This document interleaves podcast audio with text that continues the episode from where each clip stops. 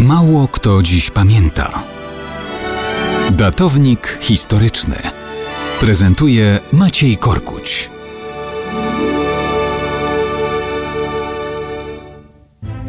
Mało kto dziś pamięta o przypadającej dziś jednej z rocznic związanych ze stuleciem odrodzenia Polski. O ile 11 listopada to był dzień, w którym Rada Regencyjna przekazała Piłsudskiemu władzę nad wojskiem, które miała do dyspozycji, o tyle 14 listopada to dzień, w którym ostatecznie regenci musieli uznać swoją misję za skończoną.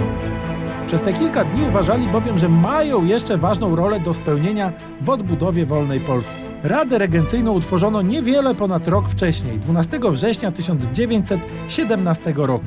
Już było po kryzysie przysięgowym w Legionach. Miała być władzą w Królestwie Polskim, powołaną na miejsce tymczasowej Rady Stanu przez dwóch cesarzy, niemieckiego i austriackiego.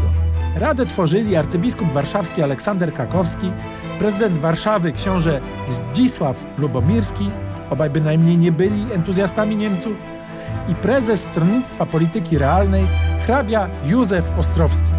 Rada próbowała z rąk administracji okupacyjnej wyrwać jak najwięcej władzy dla Polski i dla Polaków. Nie było to łatwe, bo przecież Niemcy twardo pilnowali swoich, a nie polskich interesów. Rada powołała polski rząd Jana Kucharzewskiego, potem rząd Jana Kantego-Steczkowskiego, a na koniec Józefa Świeżyńskiego. W niełatwych warunkach nie zdołała wyrwać zbyt wiele, ale przejmowała sądownictwo, szkolnictwo, budowała polską administrację. Dopiero w obliczu całkowitej klęski wojennej Niemiec w październiku 1918 roku zdołała wyrwać z rąk generał-gubernatora Besselera władzę nad polską siłą zbrojną. Regenci uważali, że będą dla Piłsudskiego partnerami. Książę Lubomirski witał go 10 listopada na dworcu.